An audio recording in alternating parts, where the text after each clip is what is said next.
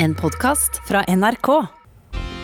Rundt omkring i Norge oppholder friske mennesker seg på karantenehotell mot sin vilje. Mange av dem har tomme hus og hytter som bare står og venter på dem.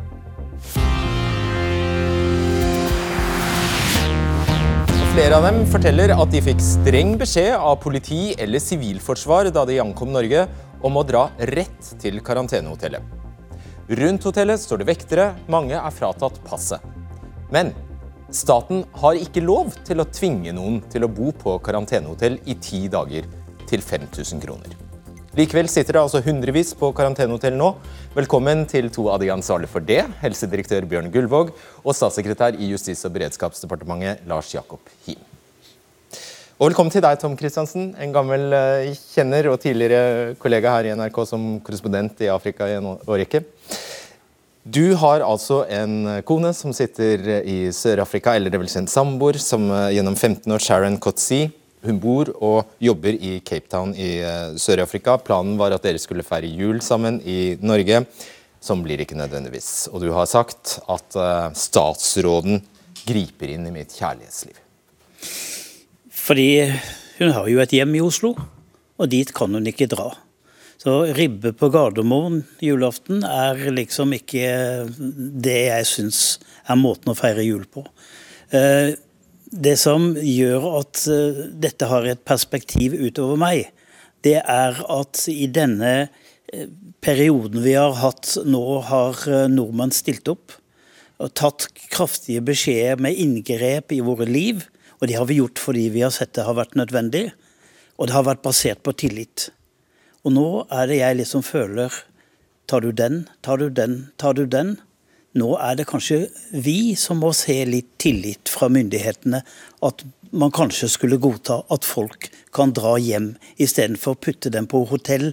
Det gjøres på en litt unorsk måte, for å si det på den Og hva er det som formelt gjør at hun vil måtte spise ribbe på Gardermoen?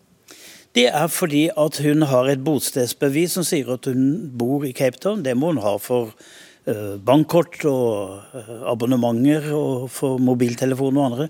Derfor så har hun flytting til Cape Town og ikke Oslo.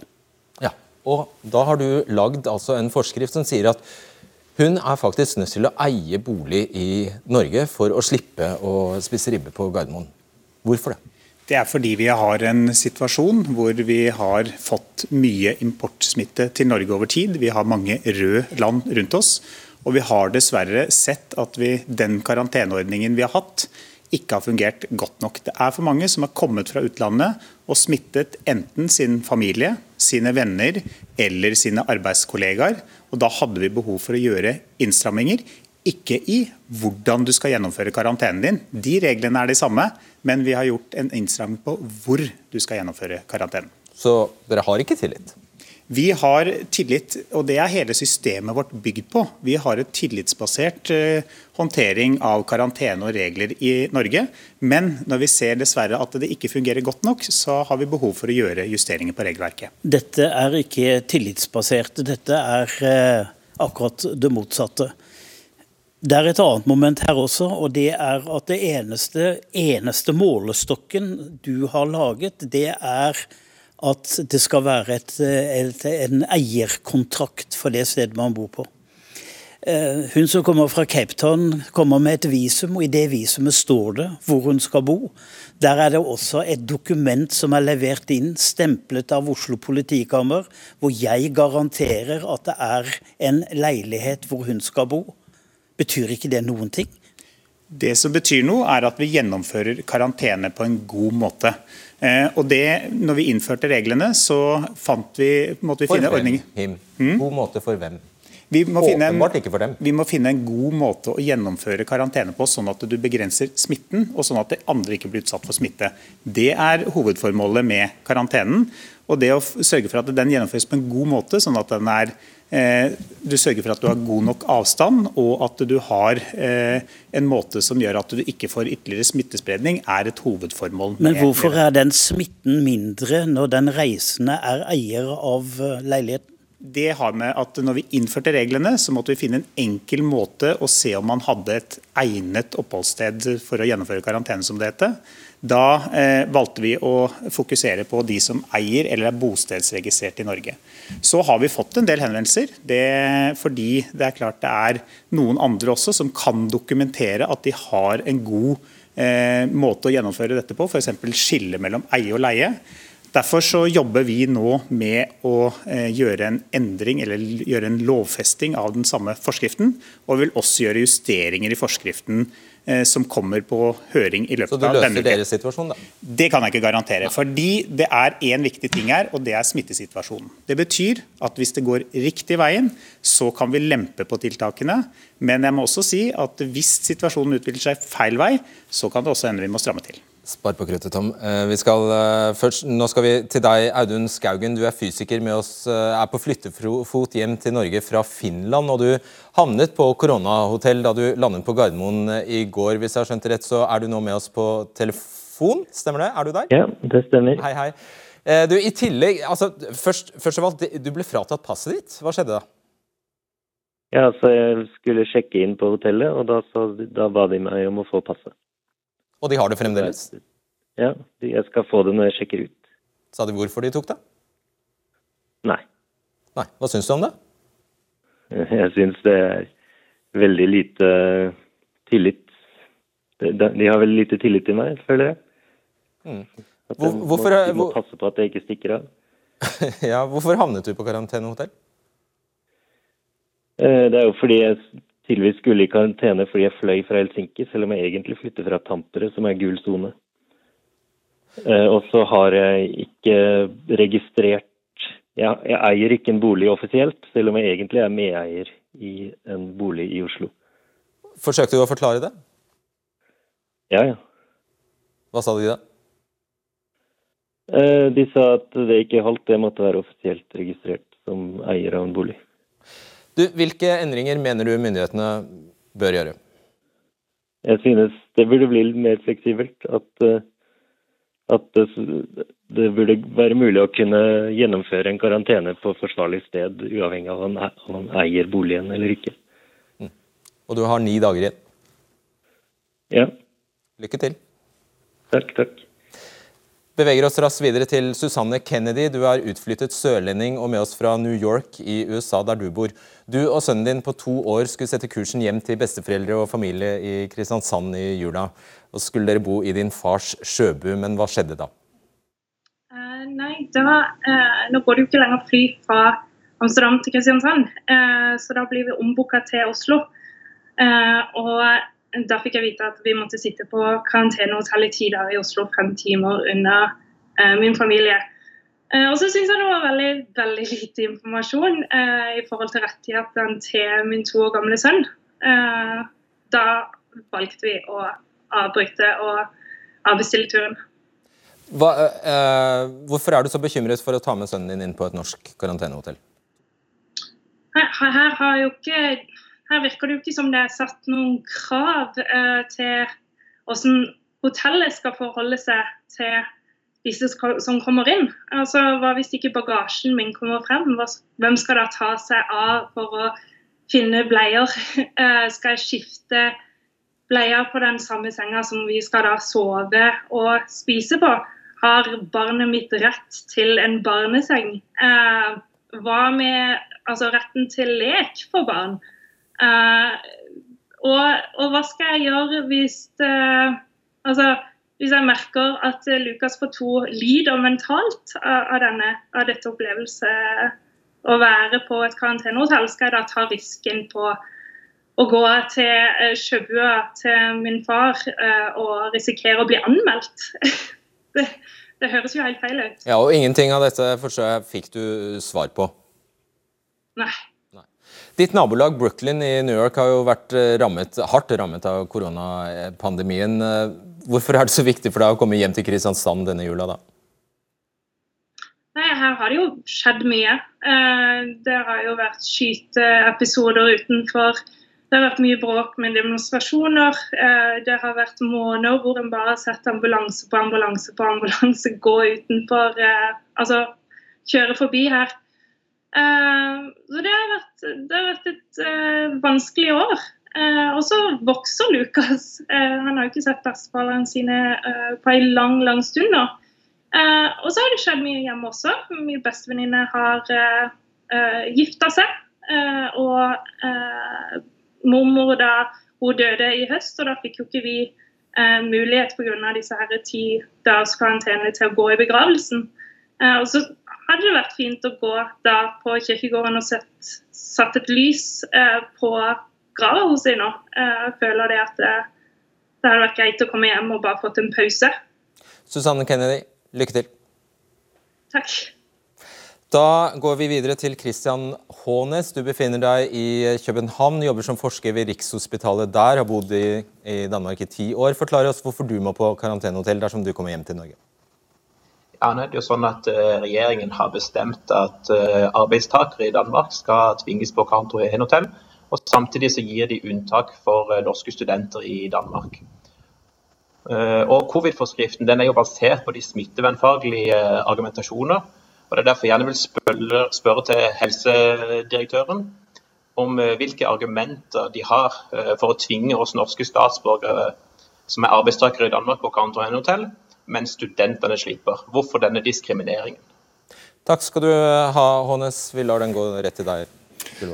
Det er jo lett å forstå alle disse historiene og fortvilelsen over å ikke få truffet de man ønsker å treffe. Samtidig så er det sånn at eh, situasjonen for landet vårt er dramatisk. Veldig mange land i Europa har hatt en, en, en voldsom smittesituasjon. Det er uh, et stort antall døde. Det er problemer med uh, spesialisthelsetjenesten som ikke klarer å gi behandling til sine uh, pasienter. Det er det som er bakteppet her. Og det er mange i Norge som betaler en veldig høy pris i disse dager. Turistnæringen betaler en høy pris. Kulturlivet betaler en høy pris. Utelivet betaler en, en veldig høy pris. Og det som er nødvendig, eh, Vi har i de siste eh, månedene hatt veldig mye importsmitte i Norge. Altså Over 100 kommuner har fått eh, smitte inn med importsmitte. Karantenesystemet har ikke fungert. Så Nøyaktig hvordan denne silen skal være, det kan vi diskutere. Men den blir aldri rettferdig. Og den må være tett nok til at vi ikke får veldig store. Så Det var det overordnede. Nå kan du styrke deg inn på og ja. faktisk besvare spørsmålet. Ja, Hva er logikken i at studenter altså, for sånn er det, nordiske, altså studenter i Norden slipper altså denne karantenen, mens arbeidstakere gjør det ikke? Nei, og Det er jo ingen, ingen, smittevernfaglig logikk her. Men det som er logikken er at man må sette en grense. og Her har man gjort en skjønnsvurdering på at uh, de som er studenter og studerer Eh, de har relativt nylig flyttet fra sine hjem. Eh, det er naturlig at de eh, bor i hjemmene til mor og far når de kommer hjem. Hvis de tar en mastergrad, er det ikke akkurat nylig nødvendigvis? Nei, altså jeg, jeg, sier at her er det ingen smittevernfaglig logikk. Men det er rett og slett at man må trekke en strek et sted. Men det gjør jo også at du er her, faktisk. Det at det ikke er noen logikk i det, gjør at du må svare for disse, disse utslagene. Ja, jeg vil si at det er en logikk, men den logikken er på et annet nivå. Den handler om at vi må trykke ned smittepresset totalt sett, så det er totalbelastningen som er problemet her. Og Så kan man jo da stille spørsmål om man skulle eh, tatt bort alle unntakene. Eh, men det syns vi er for hardt. Jeg tror ikke det er det Kristian Hånes ønsker å oppnå her heller, at alle, alle studenter skal pålegges karantenehotell. Velkommen til deg, Henning Jakhellen Kjøita. Eh, du venter på kjæreste fra USA og er en av mange som har reagert på dette, denne ordningen med karantenehotell. Vi så deg i Dagsrevyen tidligere i kveld. Du, du, mener, du, sier faktisk at du er villig til å gå i på Altså lo, eh, eh, Hva heter det? Kjøpe, kjøpe eh, Gå på karantenehotell sammen med henne. Men det får du ikke lov til? Nei, så slik jeg tenkte var jo at eh, siden det ikke er mulig da, for oss å være i karantene i min leilighet, som jo selvfølgelig er det jeg helst skulle oppleve, eh, så syns jeg det er fryktelig kjipt at hun skal være i isolasjon på dette hotellet. Så Derfor har jeg da spurt om det er mulig for meg å være sammen med henne på karantenehotellet i de ti dagene, og hvor jeg da selvfølgelig er villig til å betale min del av eh, kostnadene å være der. Eh, og det har jeg da ikke fått lov til. Og hvem var det som ga deg den beskjeden? Det fikk jeg fra Helsedirektoratet. Ja, Det er deg det, Gullvåg. Okay. Det er meg. Og bakgrunnen for det, altså Igjen så forstår jeg naturligvis situasjonen din, men bakgrunnen for det er at når du går uh, i og bor sammen med, med din venninne i karantenehotell, så er jo hun i karantenehotell fordi det er en risiko for at hun er smittebærer. Det vil si at du kan smittes. Og du vil ikke være i karantene når hun er i karantene. Eh, det er slik at Du kan da bevege deg fritt rundt eh, i samfunnet. og Hvis hun da smitter deg, så vil det ta en tid før du vet at du er smittet. Og Det gjør at smitten kan gå videre fra deg og ut i samfunnet. Så Det er det som er logikken. Samtidig har jeg naturligvis forståelse for din situasjon. Men her er jeg da villig til å melde meg frivillig i karantene for å si på den måten, og sitte ti dager da, på det hotellrommet uten å bevege meg utenfor. Eh, og Jeg skjønner ikke hvordan det skal være større risiko at jeg gjør det, enn at jeg reiser til og fra det hotellet ti dager i strekk for å gå på tur med min kjæreste med offentlig transport. Jeg skjønner det, og det, eh, det, er jo en viktig diskusjon om man eh, skal ha rett til å utsette seg selv for smitte i betydelig grad. Jeg må, jeg må si til deg at det er en risiko for deg også å bli smittet, selv om i din eh, aldersgruppe så er risikoen svært liten for å få alvorlige konsekvenser. Men når vi sier dette, så er det fordi vi mener at eh, det ikke bør være opp til hver enkelt å ta valget om man skal bli smittet eller ikke. Ok. Tom Kristiansen, jeg tror du skal få oppsummere det du har hørt til nå. Ja, og det som slår meg, er uh, Gullvåg åpen og ærlig sier at det er ikke helt logisk det man har gjort, men noe måtte man gjøre. Men jeg vil bare gi deg en rapport fra Gardermoen. Det er det glade amatørskap. Der er det en rekke Securitas-vakter og andre som ikke riktig kan reglene, og politiet som klør seg i huet. De bringer folk inn på dette hotellet. Noen har penger til å skaffe en advokat som kommer, og så er de ute på 24 timer. Andre har bare forlatt stedet og sendt til politiet en, en, en, kopi av en leiekontrakt, og så er alt i orden. Slik at reglene blir til underveis, og det er opp til hvor mye initiativ det er i den enkelte. Så de sterkeste vinner hele tiden. Men det er fint at du sier at dette ikke er logisk, så da syns jeg at du skal lete etter logikken. Den fins. Ja, vi leter jo naturligvis hele tiden etter best mulig logikk, men jeg sier at vi kan ikke trekke en linje som gir den samme eh, liksom helt nøyaktig det samme logiske smittevernfaglig for absolutt alle. Og så er jeg enig med deg i at vi helt sikkert har en jobb å gjøre i å forbedre dette systemet. Men vi vet allerede i dag at vi har fått en kraftig reduksjon i de som kommer inn til Norge. og Det har faktisk vært en del av hensikten med hele ordningen. Å unngå at man får unødvendig reising inn til landet. De kan få et skjema å undertegne hvor de garanterer at de har et sted, som kan sjekkes i ettertid, og så kan du fordele bøtene etterpå. Vi vil, vi vil gjerne lage enda bedre system, så eh, det tror jeg vi er enige om. Tusen takk skal dere ha.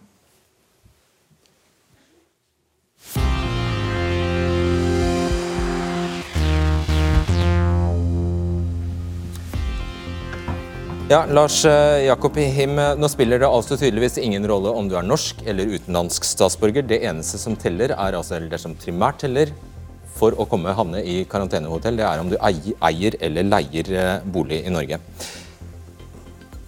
Vil du utdype hvorfor det er et logisk kriterium i det hele tatt?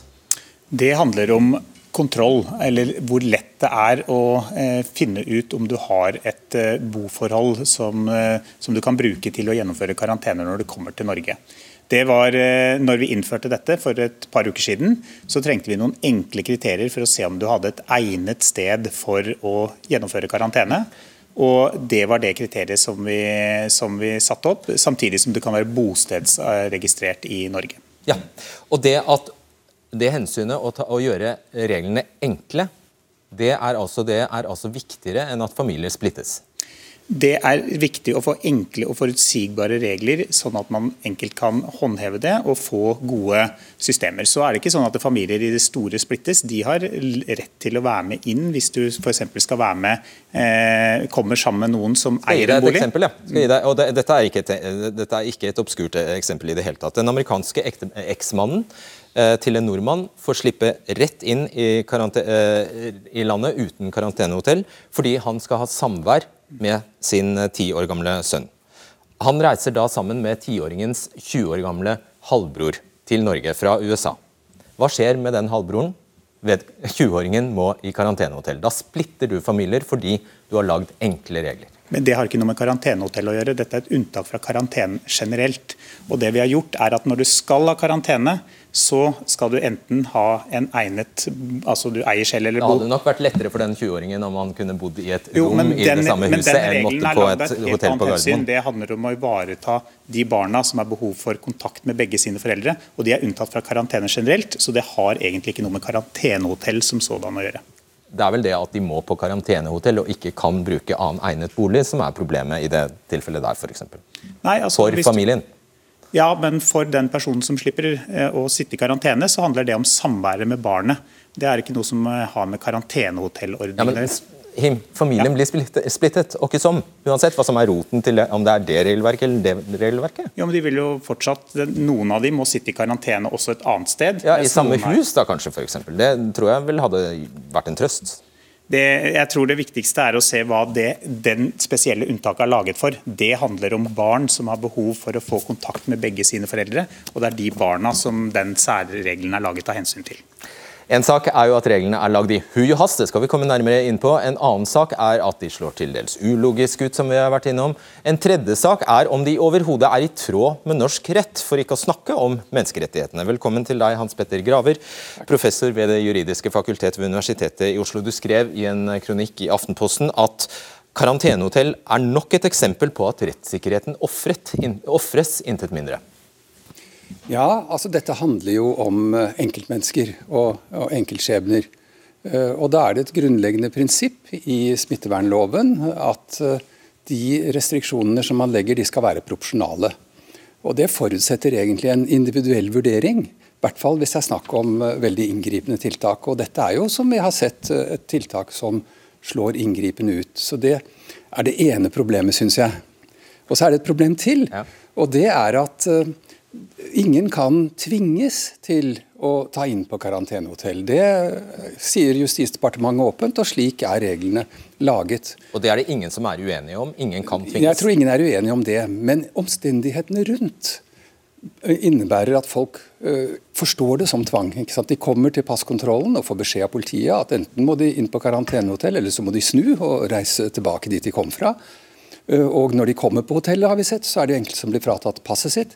Sånn at, og, og når en politimann sier du må inn der, og du slipper, så oppfatter folk det som et individuell, en individuell avgjørelse av deres sak. Hvilket det da juridisk sett ikke er. Og Det er også et rettssikkerhetsproblem. Ja, Og det er alvorlig, hvis vi har eh, sånt noe gående. Hvorfor, bare ta det, eh, hvorfor mister de passet? Passet mister de ikke. Det er bare en registrering på hotellet, og det har de krav på å få tilbake igjen. Hvorfor vet ikke hotellet det? Det har de fått beskjed om. Hvorfor gjør de det ikke? Det skal vi selvfølgelig følge opp, men de har, de har brakt beskjed til alle de karantenehotellene som er, at eh, passene er noe de kan få tilbake. For oss andre så høres det ut som dette inngår i nettopp det mønsteret med uorden og, usystem, og dårlig system. Det er klart Vi har hatt uh, disse karantenehotellene. Når vi skulle få de opp, så er det mange kommuner som har hatt erfaring med karantenehotell og har bygd videre på det. Men her skulle vi ha en nye systemer. Det har selvfølgelig tatt litt tid å få på plass, men vi har hatt tett Det kan dere ikke tillate dere fordi det går på rettssikkerheten løs, er jo nettopp budskapet her. Men det som er viktig samtidig er at vi har også et rettslig ansvar for å ivareta liv og helse, og sørge for at vi har en, en smittevern som ivaretar de nødvendige tiltakene som trengs for å ivareta befolkningens eh, helsevern. Ja, Hva burde de ha gjort? Altså det ansvaret har de etter mitt syn nettopp ikke tatt. Fordi det var jo klart eh, allerede i vår at det ville komme en annen smittebølge, eller at det ville være en stor risiko for det. Og da syns jeg det er veldig underlig, egentlig, at eh, plutselig så må man lage disse reglene i hui og hast og nærmest improvisere dem, når man i realiteten har hatt et halvt år å tenke igjennom hva slags type tiltak kunne det bli nødvendig å innføre. Så jeg syns dette er, gjør det enda mindre betryggende enn akkurat eh, at disse reglene ikke er så veldig gode. Vi har hatt en beredskapsplan med mange tiltak. Det er flere av disse tiltakene som vi nå har innført. Bl.a. Eh, har vi det som folk kjenner, altså med åpningstider, med trafikklys på skoler osv. Så, så i tillegg så Det så er vi ingen som syns synd på det. eh, Det er ingen som syns, syns Nei. synd på dere. Men poenget er at det, i tillegg så så vi denne spesielle situasjonen med smitte fra import, som vi også trengte egne tiltak Som på. Som hovedsakelig har kommet fra arbeidsinnvandrere, er det mange som påpeker. Og, Og- de, de som får har- er de som skal hjem til jul. Og vi har gjort noen tiltak først for arbeidsinnvandrere, men vi så fortsatt at det var behov for flere tiltak. Og dette fikk vi på bakgrunn av eh, råd fra helsefaglige myndigheter at vi trengte flere tiltak, hvorav et av forslagene fra eh, helsefaglig hold var karantenehotell, som vi da valgte å følge opp. Du skal få lov til å være presis her. Du sier helsefaglig hold. Ja, Helsedirektoratet anbefalte det, det kan vi sikkert snakke Ja. mer om. Men FHI anbefalte det slettes ikke. Jo, de fikk det derimot, gjorde de. Det er helt feil. Eh, ikke hvis Aftenposten rapporterer korrekt. Nei, men det er også Var feil. det, har Aftenposten rapportert ukorrekt? Poenget er, kan jeg få oppklare den? Ja, det kan du. FHI ga også den samme anbefalingen på å bruke karantenehotell som Helsedirektoratet gjorde et par dager før vi innførte forskriftshjemmelen. Så innførte vi den, og i løpet av de, de dagene før vi skulle innføre selve karantenehotellordningen, så lagde vi et rundskriv, altså en veiledning til kommunene om hvordan dette skulle gjøres. Den veiledningen sendte FHI tilbake en beskjed til oss om at de syns at den burde innføres midlertidig. Og så kunne man sende på høring og gjøre justeringer senere. Hvilket vi faktisk gjør. Den ordningen er midlertidig. Det gjør dere etter å ha innført den, ja. Ja, De fikk fire det var timer på seg. Det var det FHI også sa. Fire timer fikk FHI på seg. Hvorfor det? Fordi dette var en del av veiledningen. De hadde god tid til å vurdere selve karantenehotellordningen i de faglige Ja, rådene de ga oss i forhold. at publikum skal uh, henge med her. Veiledningen som i, det, som i det store og hele beskriver overfor kommunene hvordan de skal håndtere dette. og Det er jo egentlig det vi snakker om, at det er veldig ulik håndtering av karantenehotellinstituttet. Men i tillegg så hadde de da vært inne tidligere på å også gi innspill på hvordan denne ordningen skulle se ut. Så her var det flere runder, så FHI var tungt inne i vurderingene om hvordan dette skulle gjøres. Men de som ikke har vært inne, er jo for det første kommunene, som jo skal administrere dette. Og det er eh, de som blir berørt, altså arbeidstakerorganisasjoner, andre organisasjoner og institusjoner. Og denne tiltaksplanen som er fra før sommeren, den er stort sett eh, en tabell over mulige tiltak og hvem som har ansvar for å gjennomføre det osv. Men det er ingen nærmere vurdering av disse tiltakene, hvordan de vil slå ut, hvem de vil slå ut for, hvilken, eh, hvordan man kan begrunne disse utslagene i forhold til menneskerettigheter og, og andre rettigheter osv. Og, så og tiltaksplanen er ikke sendt på høring. Og Det betyr at kvaliteten på disse reglene blir mye dårligere enn det de kunne ha vært, fordi at man oppdager en masse problemer i etterkant, sånn som her, og sånn som man har gjort i Bergen f.eks., med denne fempersonsregelen, som er eh, veldig parallell eh, når det gjelder utviklingen. Så regelen blir dårligere. Og folks tillit til eh, reglene blir jo da også dårligere. og Da blir det vanskeligere å få dem til å virke slik man ønsker at de skal virke. Ja, for man trenger oppslutning, har du jo gjentatt. Man trenger, de skal, eh, reglene må være forståelige for å skaffe oppslutning og lojalitet. Takk skal du ha, Grav. Takk. Og eh, Him, du har sagt altså nå, nå er det altså Du nikket. Eh, de, det, det er faktisk ingen tvang, så hvis du vil, kan du smette forbi politiet. Og du trenger altså ikke å gå på eh, og, i, i, når- Du trenger altså ikke å gå i karantene eh, på, eh, på hotell. På fredag i Dagsnytt 18 sa du at denne forskriften er litt veiledende. Dette er et sitat. Du sa den er litt veiledende. Hva betyr det? Nei, altså Poenget er at eh, de ordningene vi har, er jo i utgangspunktet tillitsbasert. Vi har ikke en politistat hvor politiet sitter og håndhever disse reglene i detalj. Det gjelder karantenehotell, men det gjelder også mange av de andre reglene vi har.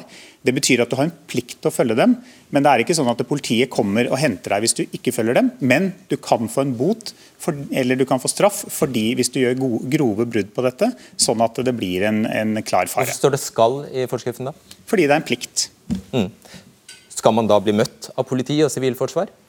Ja, politiet skal gi, har grensekontrollen i Norge. Blir man så opplyst da om at dette er ikke, dette, dette er ikke noe du må? Vi opplyser om hva som er plikten din. Jeg syns ikke det er nødvendig for politiet å si at du kan la være å gjøre det du har plikt til. Eh, Men de har en veiledende rolle, og det har de fått eh, klar veiledning de også om hvordan dette skal være. Var dette din idé?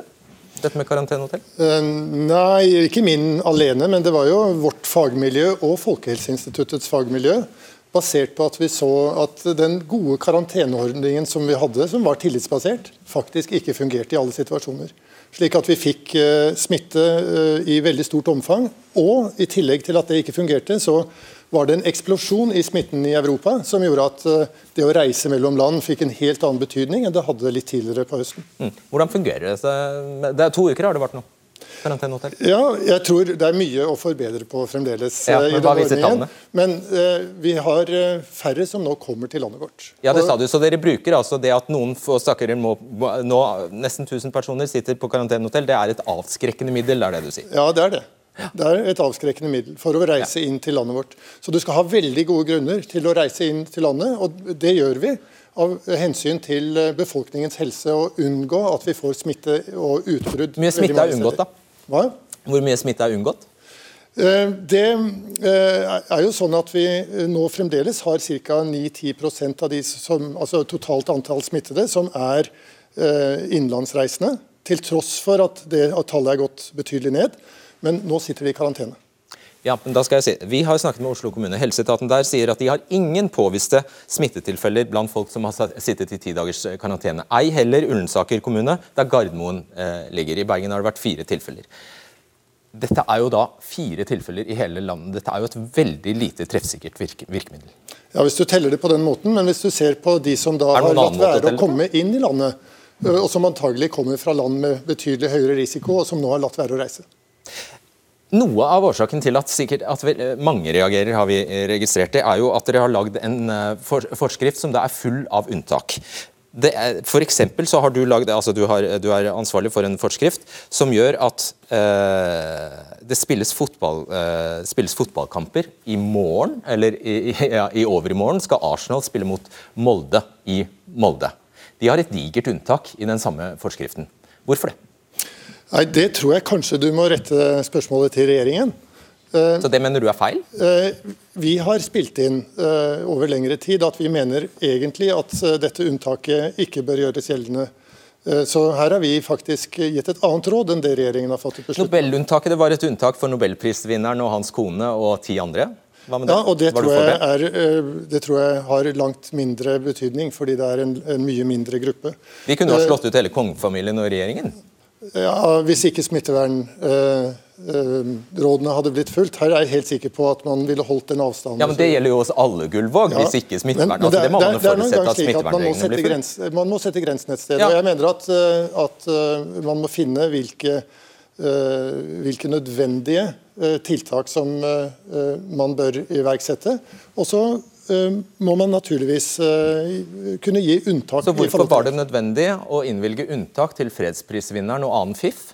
Mens vi ser her at helt vanlige folk altså, styres inn på I, I realiteten er det også et spørsmål til regjeringen. Men jeg, har, jeg finner ingen grunn til ut fra et smittevernfaglig ståsted å si at jeg syns det medfører en stor risiko. Fordi? Nei, fordi eh, jeg er ganske sikker på at uh, i en sånn sammenheng Det gjelder jo uh, det er jo en del andre unntak også, men hvor man har muligheter til å følge opp dette veldig tett med gode smitteverntiltak underveis. Og minimalisere den risikoen. Men jeg vil igjen understreke at dette er et mengdespørsmål. Det er hvor mye man åpner. Det er ikke om man åpner eller ikke, men det er hvor mye. Hvor mange er det som skal ha unntak? Det er det som blir problemet. Ja, men det er jo snakk, til syvende og sist snakk om enkeltmennesker som utsettes for, eh, for Ja, men igjen så vil jeg si at uh, Denne pandemien vil aldri kunne bli rettferdig, i den forstand at, at man skal finne liksom en millimeter rettferdighet her. Det vi må gjøre, det er å ha grove tiltak som gjør at smittetrykket i samfunnet går ned. Og vi har, vi har faktisk ikke de elegante, målrettede tiltakene som gjør at vi får det til, uten at vi tar disse grove grepene. Du varslet i sted at det kommer endringer. Hvilke da? Det har vi ikke tatt stilling til ennå, men det som har vært et av temaene som har vært oppe her, forskjellen på eie og leie, er åpenbart én ting som det er naturlig å se på. Hvis man kan dokumentere gode, eh, langvarige leieforhold som også oppfyller de kravene vi har til karantene, så kan det være et av de tingene vi ser på. Men igjen, dette, jeg skjønner at folk eh, har lyst til å få forutsigbarhet, særlig mot, frem mot jul. Det vil avhenge av smitte, utviklingen i smittesituasjonen. Men hvis vi nå gjør en god jobb, og de reglene her fungerer godt, så er det i hvert fall en større sjanse for at vi kan lempe mer på, på det som er vilkårene. Helt kort på tampen, Hvor skal folk henvende seg? Hvis de har spørsmål om dette her? Det er flere steder hvor du har gode nettsider. Bl.a. så driver eh, Helsedirektoratet og andre nettsider hvor du enkelt finner informasjon om dette. Ja, for Det er jo ikke mulig å ringe koronatelefonen for eksempel, om spørsmål som dette? Det vil jeg tro de har en veiledning om innholdet i disse reglene, sånn at du kan finne en del informasjon der også. Det gis veldig god informasjon på Helse Norge. og Når du nå kommer inn til Norge, så vil du også få en QR-kode etter hvert, som gjør at du får eh, tilrettelagt informasjon på ditt eget språk. Hjertelig takk skal dere ha. Takk. Og Det var debatten for i kveld. I et åpent vestlig demokrati som eh, Norge, ja da blir jo alle tiltak mot pandemien diskutert. Takk og pris, tror jeg vi skal si. Mens vi diskuterer her, så har noen land faktisk greid å nesten bli kvitt viruset helt, øyensynlig. De slipper å holde på med den seigpinningen vi nå, nå gjør. Hvorfor gjør ikke vi det samme? Det spør vi på torsdag på gjensyn.